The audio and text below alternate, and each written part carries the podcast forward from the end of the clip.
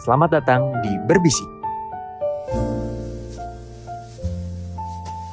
Oke, eh, selamat datang di Berbisik episode 1. Eh, perkenalkan, eh, nama saya Rija Pahlepi. Selaku host di acara Berbisik ini, saya perwakilan dari Departemen Media, yang mana program Berbisik ini merupakan salah satu program kerja apa ya, salah satu program kerja unggulan dari Departemen Media. Nah, di episode pertama ini, Departemen Media eh, secara spesial mengundang eh, Ketua dan Wakil BEM Fakultas Ilmu Komputer periode 2020. Nah, telah hadir bersama saya eh, Bang Ripal dan juga Teh Dwi. Assalamualaikum Kang Teh. Gi- Gimana kabarnya Kang Teh? Alhamdulillah sehat walafiat. Alham- Alhamdulillah. eh, udah lama ya kita baru ketemu lagi dari awal pandemi terakhir Maret sampai sekarang Agustus sekitar lima bulan. Agustus lima bulan. Lama juga ya. Alhamdulillah eh, kita udah ketemu lagi di kampus tercinta ini. Kampus yang kita cintai dan kita banggakan. Gimana perasaannya kita ketemu lagi? Alhamdulillah sedikit, eh, membayar rasa rindu kita pada eh, kampus kita yang dari awal kita banggakan dan kita cintai selalu. Hmm. Karena bagaimanapun baik buruknya kampus itu akan selalu melekat sampai kita nanti eh, jadi almarhum lah kasarnya. Betul banget. Karena pasti dilihat tuh bakal dari jurusan mana dan jurusan mana bakal melekat terus gitu emang kita dari sini tuh proses benar-benar digodok buat kita tuh benar-benar mengharumkan nama orang tua dan juga nama kampus kita sendiri Bener banget sih. Kerasa banget sih waktu kemarin eh, ada apa informasi bahwa kita diliburin karena ada pandemi. Terus juga banyak teman-teman yang baru ya baru karantina seminggu kali apa dua minggu udah banyak yang kangen kampus, kangen jajanan kampus, kangen nongkrong, kangen rapat, kangen belajar, kayak gitu sih. Eh, sedih juga ya, di mana juga kita baru dilantik secara apa secara resmi sebagai pengurus BEM tapi langsung pandemi kayak gitu. Eh apa ya? Saya ingin nanyain gimana eh, pandangan Akang dan Teteh terhadap eh, kondisi sekarang yang terjadi itu gimana sih menurut dulu deh boleh dari mungkin sebelumnya pandemi ini merupakan salah satu kondisi yang sama sekali kita nggak pernah nyangka gitu. Ada satu kejadian di mana suatu kondisi di mana semua orang uh, sangat perlu untuk memperhatikan kesehatannya, di mana semuanya tidak diperbolehkan untuk berinteraksi satu sama lain dan dampaknya pun menyebar ke segala aspek kehidupan mulai dari sosial, Hmm. politik, ekonomi, bahkan sebagai mahasiswa gitu kita turut mendampak merasakan dampaknya yaitu ke ranah pendidikan Hmm. apalagi masuk ke dunia perkuliahan tentunya tadi kerasa banget ya kata. Rijal juga teman-teman udah mulai kerasa nih satu minggu dua minggu Benar apalagi sampai lima bulan begini kita nggak ketemu dan ini juga masuk ke kampus suasananya sangat Masih berbeda dengan biasa terbatas banget sih Iya. kerasa banget sih eh, apa atmosfernya dari dulu eh apa hebohnya kampus itu kayak gimana terus sekarang jadi masih ya sepi-sepi rame gitulah untuk masuk pun kita kayak eh, ada beberapa prosedur yang Betul. harus diperhatikan juga Hmm. Nah, itu sih paling yang rasanya di perkuliahan ya mau tidak Hmm. mau siap tidak siap harus ada jalan yang dipilih dan salah satu yang dipilih dari pemerintah juga yaitu pembelajaran secara daring. Hmm. Walaupun mungkin kalau dilihat dari kemaksimalannya ini masih belum maksimal jika dibandingkan dengan kuliah offline. Hmm. Oke, Masih beberapa betul output yang tidak bisa dirasakan gitu kalau misalnya kita kuliah online. Mungkin ada Hmm. juga teman-teman yang ngerasain ketika perkuliahan tidur atau Iya. mungkin handphonenya disimpan dan Kameranya- nggak tahu ke mana. Nah, yang penting daftar hadirnya. iya yang penting absen aja dia ya Itu banyak sekali gitu. Hmm. Termasuk juga kendala-kendala yang dihadapi Pak, selama pandemi dan perkuliahan daring banyak sekali, terutama Hmm. dari mahasiswa mungkin yang daerahnya belum terjangkau sinyalnya, Sinyal. atau mungkin dosen-dosen yang masih belum paham tentang teknologi pembelajaran dan lain sebagainya. Benar. Nah, harapannya sih yang setengah semester kemarin kita Hmm. sudah merasakan itu bisa dievaluasi lagi supaya bisa terus dimaksimalkan prosesnya Hmm. dan juga bisa terus dikembangkan metode-metode pembelajarannya dan bisa merata ke seluruh aspek gitu. Gak hanya sebagian dosen saja atau mahasiswa saja yang menerima output dari hasil pembelajaran ini. Hmm. kalau dari Bang Ipan sendiri gimana tuh? Eh, mungkin untuk eh, sekarang yang jadi problematika di lingkungan kita itu sebenarnya yang dari awal kebiasaan yang udah kita sering lakukan gitu Hmm. ketemu dengan kebiasaan baru yang mungkin ada gejolak pada diri kita bahwa eh, kita tuh belum siap ibaratnya Kaget lah sih ya. Nah, ibaratnya seekor burung yang biasa terbang le- lepas tiba-tiba dalam sangkar. Hmm. kan otomatis kita ada sedikit guncangan pada di psikis kita bahwa Betul. biasanya kita eh, berbicara atau belajar tatap muka gitu.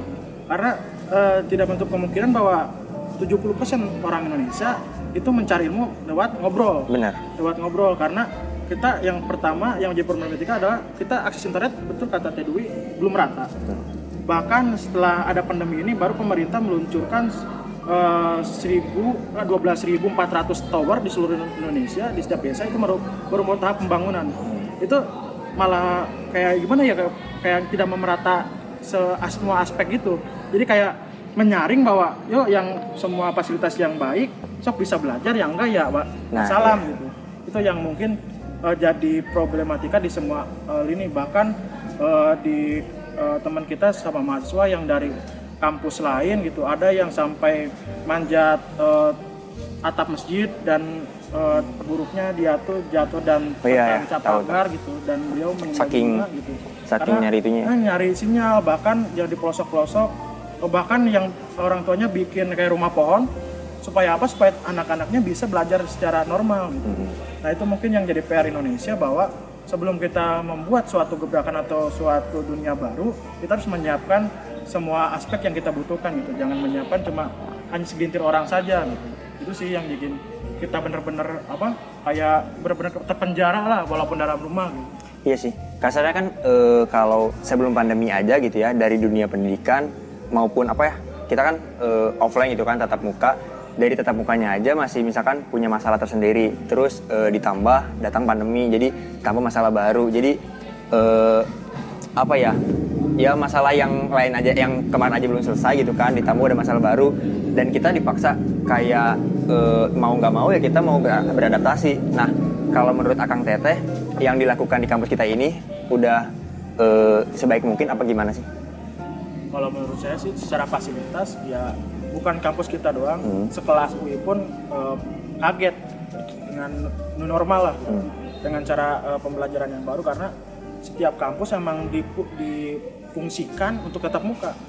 Jadi dengan waktu yang singkat langsung ke normal baru kita dengan fasilitas yang harus kita terapkan ya semua bakal kaget ditambah sekelas kampus kita kita pun yang berkecimpung masalahnya ya benar-benar apa benar-benar eh, terhambat lah gitu soalnya dari sekarang pun anak-anak Pasilopon pun ada yang tidak memiliki laptop. Ya betul. Bahkan eh, dia untuk kejakin tugas pun harus ebeng dulu ke rumah temannya dan segala macam gitu. Apalagi yang kampus-kampus swasta yang mereka notabene orang-orang yang eh, kelas pekerja dan segala macam.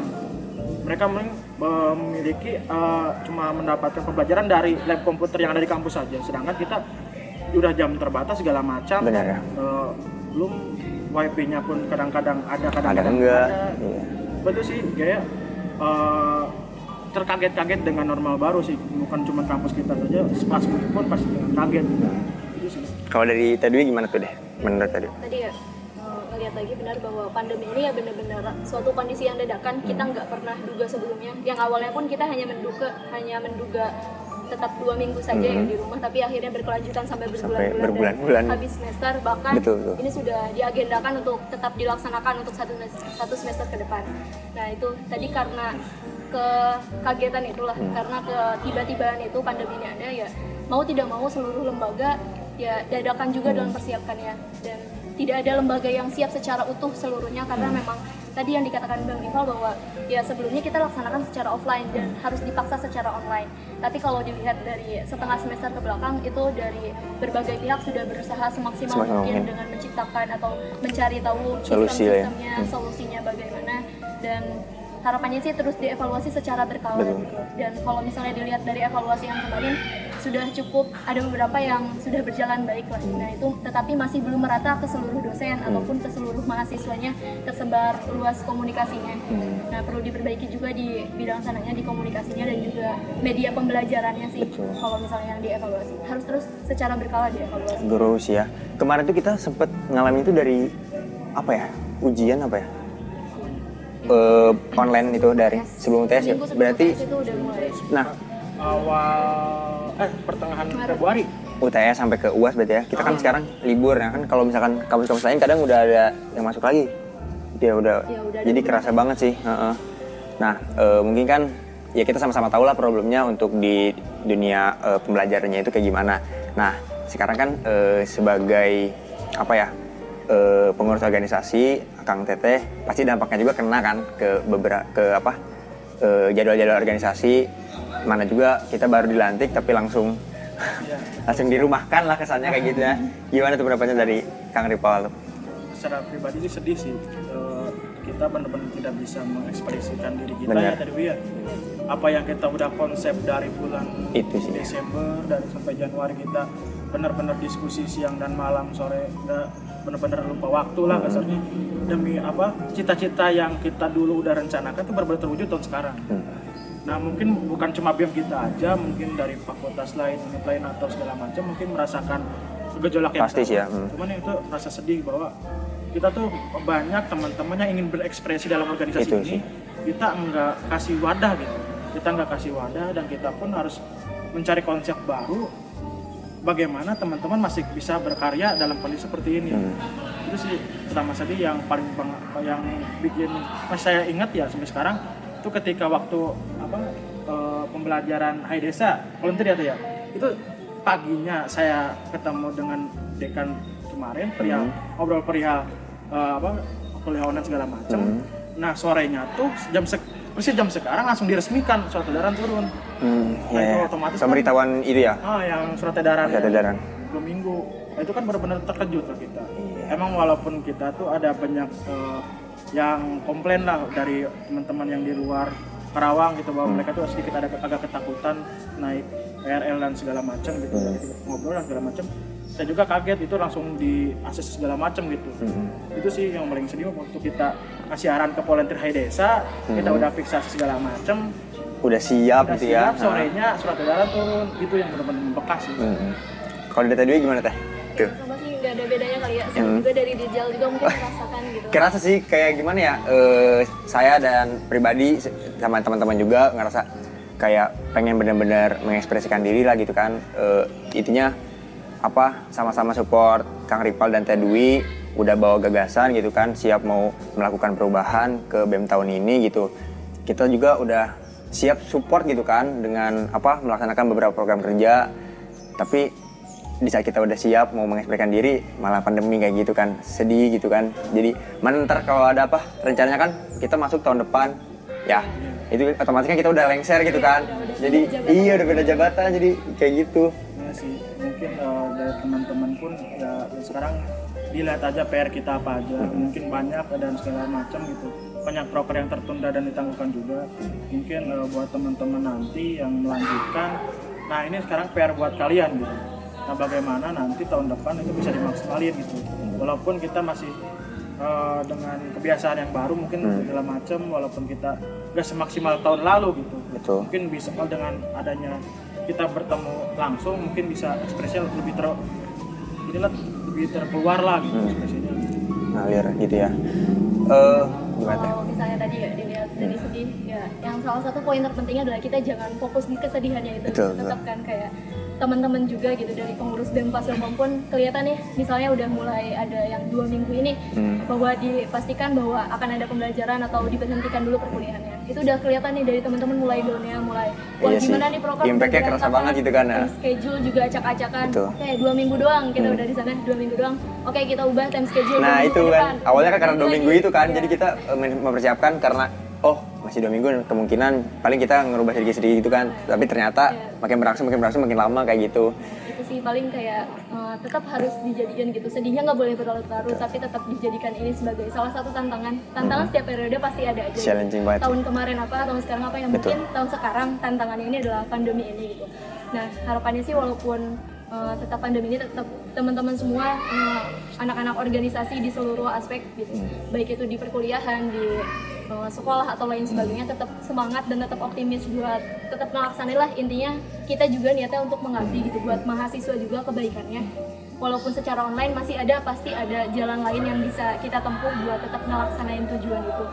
Nah dan kalau misalnya kendala yang dibilang paling serius dalam pandemi ini ya Betul. perihal komunikasi tentunya ya. Kan itu sih yang krusial banget biasanya kita Hmm. secara offline online ini sering sekali pas pertama-tama itu terjadi miskomnya atau dan lain sebagainya anggota yang susah, susah dihubungi itu Dihubungi. pasti ada aja yang seperti yang hilang-hilangan juga kan. Biasanya tahun kemarin tuh gini apa ketemuan nih Kang di mana? Ayo kita ngobrol. Nah itu enak Iya. tuh, jadi ketemu langsung. Konkret gitu kan masalahnya. penyampaiannya enak kan kalau misalnya kita baca satu chat orang itu gimana mood kita? Nah iya. Kalau misalnya ada bicara. Eh, kalau misalnya kemungkinannya mak- makin banyak lagi kita, gitu kan kalau, kalau kita sedang kesal nih Nah. lihat chat apaan nih? Jadi makin bete gitu kan. jadi kesal jadi nggak marah ke karuan eh. kalau misalnya ada yang eh, moodnya baik ya bisa mungkin bacanya dengan baik itu kan tergantung mood moodnya Betul. orang. Dan mungkin kebiasaan itu yang kita terapkan saat ini yang apa yang kaget lah kita Hmm. gitu. Biasanya Kang di mana? Kan langsung menyampaikan secara langsung kan. Ya betul. Kan sekarang boro-boro menyampaikan secara langsung eh, baik chatan pun sering salah persepsi, Persepsi. gitu sih tapi tetap sih kayak kalau misalnya kendala-kendala Hmm. yang seperti itu perihal komunikasi dan lain sebagainya yaitu tetap jadi tantangan lagi Iya kan sih, ya Kang ya challenging banget. dari eh, baik dari pimpinan ataupun dari anggota Hmm. tetap itu harus mau nggak mau harus dilewatin gitu dan saya juga percaya gitu bahwa teman-teman yang berada di organisasi di mana pun gitu Hmm. teman-teman adalah orang yang sudah terpilih gitu dari sekian banyak orang mungkin dari sekian uh, ribu misalnya dari mahasiswa teman-teman yang sudah dipilih. Dan saya yakin teman-teman juga bisa dan punya kekuatan yang lebih juga gitu untuk melaksanakan tantangan ini. Sudah dipercaya juga. Dan insya Allah tetap bisa terlewati semuanya. Udah kok selama satu tahun ke belakang pun ini udah kelewat gitu selama 8 bulan. Buktinya sudah bisa sampai sejauh ini melangkahnya. Dan insya Allah lah nanti ke depannya juga bisa dijadikan pembelajaran dan juga uh, ilmu baru lah buat teman-teman semua atau mungkin bagi yang kurang kerasa nih BEM-nya di sekarang bisa seperti misalnya dicari lagi Iya, tempat lain digali lagi, lain. gitu. bisa berproses di tempat lain atau di waktu yang lain Hmm. sekarang.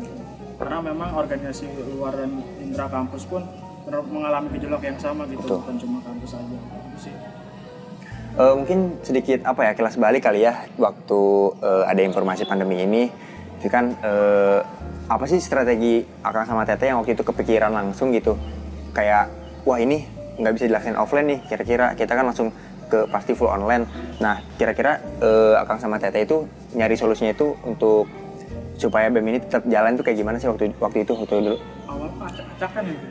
Asli itu pemikiran itu dari sudut pandang utara selatan barat dan segala macam itu Masuk semua. Campur. Bagaimana aduk semua pasti ya? Iya, sempat saya cerita nama Teh Dwi pun ada nada tinggi dan debatnya karena Yes. karena menurut saya gini ah menurut saya kayak itu namanya juga demokrasi Betul, betul. cuman ya emang kita bertemu langsung diberi langsung online gitu Hmm. ya kita bingung ngapain bahkan kita sempat udah jangan dulu dibahas satu minggu tuh satu minggu kita Bener-bener. nggak nggak bahas apa-apa kita benar-benar mikir-mikir pribadi baru minggu selanjutnya Relaksasi diri dulu gitu ya? lagi Oke, oke. itu sempat kayak gitu bahkan eh, kita harus rapat lagi nih rapat lagi makanya bahkan uh, Unipen uh, Fakultas Teknik pun nanya BEM Pa- Fasilkom rapat seluruh Kayak gimana aja? gitu ya? karena kita merasa bahwa kita tuh berdua nggak sanggup untuk nyelesain itu semua betul karena kita nggak tahu ketika kita memutuskan A teman-teman yang departemen yang di bawah tuh dia setuju apa enggak karena yang saya bangun dari BEM sekarang tuh sistem hierarki demokrasinya benar-benar terasa gitu Hmm. karena kalau misalnya kita memutuskan satu apa, apa keputusan itu apa kita disebutnya kayak otoriter segala macam. Benar-benar. jadi tidak menolak eh, suara yang masuk dari bawah. Hmm. bagaimana kita eh, cari aspirasi dulu ya tadi waktu rapat. Dari suara gitu kan. Nah baru kita putuskan segala macam. Itu sih yang benar-benar acak- acak-acakan pemikiran. Tapi kita saling-saling bersaling-saling dulu. Mana dulu nih proper yang dari bidang mana yang kita pilih-pilih segala Hmm. macam yang bisa online segala macam. Ya alhamdulillah kita sudah terrealisasi. Pemikiran ya dari awal yang nggak on, oh yang offline pun kita online online ini segasar Iya. sebenarnya. Supaya apa benar-benar teman-teman bisa lah eh, jadi apa kerja lah teman-teman bisa jadi kerja dan program itu benar-benar kita laksanakan sesuai dengan amanat ADRT. Hmm. Kita bantu. kalau tadi gimana paling lebih ke ya tadi rangkumannya bahwa yang paling pertama kita lakuin adalah penyesuaian diri terlebih dahulu. Hmm. Uh, jadi ketika misalnya masa pandemi itu ya, ketika kemarin masa pandemi itu mulai gitu. Nah di dalam dua minggu itu kita benar-benar ngerangkum lagi bahwa oh ini berarti time schedule lah yang harus berubah, harus di struktur lah, terstruktur gitu. Apa aja nih yang perlu dirubah, apa aja yang perlu diperbaiki, apa aja yang perlu dipikirkan ke depannya Betul. gitu. Nah setelah udah menyesuaikan diri sendiri gitu dengan ngobrol lagi lah sama diri sendiri gimana nih maunya gimana dengan keadaan kayak gini mau nggak mau harus tetap dilewatin ya. Iya sih. Nah, setelah itu paling karena memang tugas kita juga sebagai pimpinan harus menularkan ke anggotanya. Iya. Gitu. Ketika sudah kita dapat motivasi diri ya kita tinggal motivasi ke anggotanya juga. Karena kelihatan banget tuh dari teman-teman anggotanya juga. Hmm. Nah ya. itu karena jujur Jadi saya juga down banget. Oh, sebagai anggota, saya aja sebagai anggota gitu kan bingung mana kan baru pertama kali gitu kan eh, masuk ke organisasi kampus. Terus ini apalagi ketua sama wakilnya kayak gimana gitu. Saya penasaran aja sih gitu kan. Gimana coba yang dirasain Rijal selama ketika masa pandemi gitu, apalagi media ya. Nah, saran buat Jadi- teman-teman yang bawah tuh nonton film Apa tuh? Fury Fury. yang Jerm- perang antara Jerman dan Amerika. Oke siap Nah, siap. itu, Itu, gimana itu? dalam satu tank itu ada 65 orang Mhm. dan satu komandan. Ketika teman dekatnya mati, Ah, dia nggak menimbulkan kesedihan pada rekan-rekan lainnya. Oke. Tidak menimbulkan kebingungan dia, tapi dia memotivasi teman-teman yang di depan. Nah seperti itu, jadi ketika ada kebingungan segala macam, baik yang ketua atau wakil, kita nggak boleh menunjukkan kebingungan kita pada teman-teman. Lebih ke fokus ke solusinya sih Nah, intinya. kita bu- buat solusi, kita motivasi semuanya, biar apa? Kalau kalian semua semangat, kita pun ikut Nah, semangat. iya. iya. Kalau kita di kitanya bingung, down dan segala macam dan Apalagi yang bawahnya gitu kan. kalau misalnya pemimpin udah bilang, aduh udah tahu saya bingung. Itu satu organisasi semua bingung. Betul betul betul. Nah, bagaimana caranya kita eh, pintar-pintar berekspresi Iya. seperti itu. Jadi jangan apa yang seharusnya kita umbar ya kita umbar yaitu po- energi positif, Hmm. ne- energi negatif kita simpen bukan positif corona ya. Jadi benar-benar kita eh, simpen negatifnya dan Hmm. betul kata Soekarno, ketika kita dengan diri sendiri bersama angin baru kita menceritakan semuanya gitu. Karena kalau misalnya kita menceritakan dengan seluruh teman-teman organisasi, pasti semua teman-teman Pak, masih bakal bingung juga. Ya memang kita harus menyaring aspirasi, tapi kan kalau misalnya semua keputusan kan cuma ada di kita. gitu. Iya betul betul. Intinya gitu sih, berpinter-pinter berekspresi gitu, jangan sampai kita gini aja solusinya. Kalau misalnya Rijal nih lihat orang tua Hmm. lagi pusing lah, pasti Rijal nanya kenapa mak? Pasti bilangnya ya kenapa-napa. Iya, pasti gitu nggak? ditunjukin. Ketika Rijal nanya mak udah makan, ketika Rijal lagi makan nih, udah padahal kan mak belum. Belum- tentu, ya. Itu sifat ke orang tuaan yang harus kita tularkan kepada teman-teman organisasi yang lainnya. Gitu. Hmm. Jadi biar benar-benar eh, keserap lah ilmunya gitu. Soalnya kalau misalnya saya pribadi, saya nggak bisa ngajar kayak guru dan dosen gitu. Ya, So- pendekatannya beda lah. Nah, ya jadi kalau misalnya ada yang positif ya sok mangga pakai, kalau nggak negatif ya buang jauh-jauh Hmm. gitu sih kalau misalnya dari saya gitu. Tadi ada? Mungkin? Gimana teh? Kalau pengen tahu aja nih tanggapan dari Rijal juga. lebih gitu. lebih ke cerita sih ya dulu waktu apa waktu awal-awal pandemi itu kan eh, kit- berarti berapa ya dari kita kan tuh dilantik tuh Februari ya Februari. Februari kan? Belum sampai sebulan, sebulan Bah, kurang. baru sebulan kan minggu, baru dua minggu ya nah apa kan sama teman-teman juga apa diskusinya lewat Discord lah ya cerita-cerita ini gimana gitu kan kelanjutannya kayak gimana nah waktu kan apa kan keputusan Bang Ripa sendiri kan eh, diem dulu gitu ya masih ya tenangin diri dulu gitu kan baru nanti nginfoin ke anggota-anggotanya kayak gitu kita juga apa kayak sharing-sharing gitu pada sedih-sedih. Tapi kan mau gimana juga kan eh, mau nggak mau ya kita harus sama-sama eh, hadapin gitu adaptasi. Akhirnya eh, dari cerita-cerita itu ya yang bikin tetap apa ya tetap nyatu sih tetap connect gitu kan. Eh, gimana kita ngejalanin proker yang sekarang online tuh kayak gitu. Itu sih suka dukanya sampai sekarang Saya paham banget sih, soalnya uh, bidang relasi karena saya dekat dengan konfliknya, Hmm. sempat katanya teman-teman media pengen mengadakan webinar ya. iya Nah, bang boleh gak gini-gini? Maksud saya tuh silakan, silakan saja. Makanya, nah itu yang bikin kalian semangat tuh kayak gitu. Kalau misalnya kalian udah timbul ingin keinginan seperti itu, nah nanti bakal tertular oleh departemen yang lain. jadi ngikut gitu kan Nah, ah media pun bisa masa kita enggak? Iya. Nah, nah kata-kata gitu, nah jadi kan timbul semuanya gitu. apa ya jadi bener domino effect sih. Eh, jadi kalau misalkan ya kita eh, fokus terus sama kesedihan ya kita nggak akan ke mana-mana kan di situ terus gitu kan. Eh, ya mulai aja dari hal yang kecil gitu kan ntar eh, apa efeknya nyampe ke departemen-departemen lain. Jadi eh, nanti pun dari ketua sama wakil pun ngerasa apa ya ya anggotanya juga sama ikut-ikut ngebantu buat tetap ngejalanin BEM ini gitu kan. Intinya sebarkan energi positif. Semua akan jadi positif. Seperti itu. kalau deh positif corona yang mungkin eh, eh. nah terus juga kan sekarang kita udah masukin udah mau masuk ke tahun ajaran baru kan yang apa jalur SNM dan SBM juga udah diterima gitu ada Ada baru lagi. Eh, nggak kerasa banget ya pada baru kemarin saya di ospek gitu kan sekarang udah online ya? Iya. Online. Baru kemarin jadi peneliti sekarang udah udah punya adik lagi gitu kan. Nah dari akang Tete sendiri ada pesan gak sih buat nanti maba-maba baru? Mama-mama baru berarti masuk baru-baru eh iya dong maba-maba. Maba kan mahasiswa baru ya? jadi buat, buat maba. Baca maba. ya baca maba ya. Eh, mungkin kalau dari saya sih sok aja belajar dari mana pun bukan hanya di kampus gitu. Betul. karena kampus itu bukan tempat tempat pembelajaran eh, keilmuan dan juga teknik segala macam kalau misalnya kalian ingin belajar eh, cuma dalam satu saintek jangan masuk kampus jangan masuk kampus dan berkuliah gitu Hmm. silakan les aja gitu Bener sih. kalau misalnya kalian emang benar cari ilmu pengetahuan sok mangga di les aja banyak les komputer bahasa Inggris segala macam gitu. Hmm. kampus tuh miniatur negara kita sempat berorganisasi di sini demokrasi di sini kampus pun mengajarkan bagaimana kita menjadi rakyat gitu nah seperti itu jadi kita harus benar-benar kalau misalnya kita atau kata senior saya gitu yang paling berat tuh bukan nama mahasiswanya tapi ketika kita lulus dan gelar sarjananya Iya. itu yang bakal berat Amanah sih dia. kalian bakal biasa aja gitu bahkan kalian menyombongkan diri kita ah gue mahasiswa segala macam gitu cuma nanti kalau kalian setelah lulus dan jadi sarjana itu yang bakal kalian benar-benar impactnya kena gitu karena masyarakat dan rakyat Iya, luas masyarakat. nggak bakal tanya IPK kamu berapa apa semua segala macam mereka minta adil bahwa kita setelah lulus kita tuh harus membela mereka Dampaknya apa sih buat Nah, ke masyarakatnya itu kayak masyarakat. gimana? Contohnya misalnya Rizal di sini eh, berkuliah segala macam, kayak eh, tahu pengetahuan segala macam. Nah, impactnya tuh di desa Rijal. Kalau misalnya desanya kan Rijal nggak nggak maju-maju, berarti sarjana tuh nggak berbuat apa-apa. Benar, benar. Nah, seperti itu. Karena Indonesia maju dengan eh, teman-teman dari mahasiswanya sendiri.